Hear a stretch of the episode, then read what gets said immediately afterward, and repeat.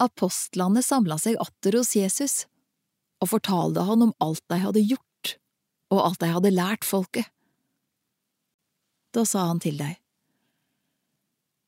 Kom med meg til en aud stad der vi kan være åleine, og hvil dykk litt.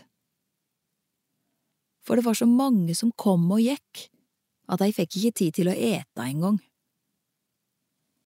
Så dro de ut med båten til en aud stad, for å være for seg sjølve.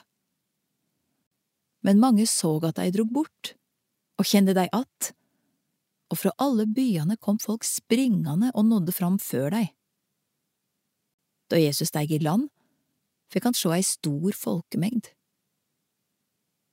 Han fikk inderlig medkjensle med dei, for dei var som sauer utan gjeter, og han ga seg til å undervise dei om mange ting. Men da det lei langt på dag, kom læresveinane til han og sa, Dette er ein aud stad, og dagen li. Send folket frå deg, så de kan gå bort i grendene og landsbyene her omkring og kjøpe seg noe å ete. Det skal gi deg mat, svarer Jesus. De sa, Skal vi gå og kjøpe brød for 200 denarer, så de kan få seg mat? Hvor mange brød har det? spurte han. Gå så etter.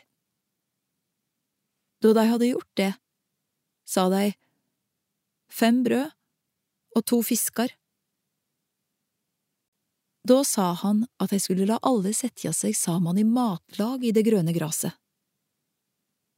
Og de slo seg ned, rad på rad, somme på hundre og somme på femti. Så tok Jesus de fem brøda og de to fiskene, såg opp mot himmelen og ba takkebøna. Og han braut brødet og ga det til læresveinene, så de skulle by rundt til folket. De to fiskene delte han òg ut, så alle fikk.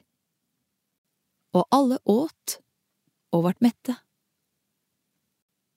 Etterpå samla dei opp det som var att av brøda og fiskene, og det var tolv fulle korger. Det var fem tusen menn som hadde fått mat.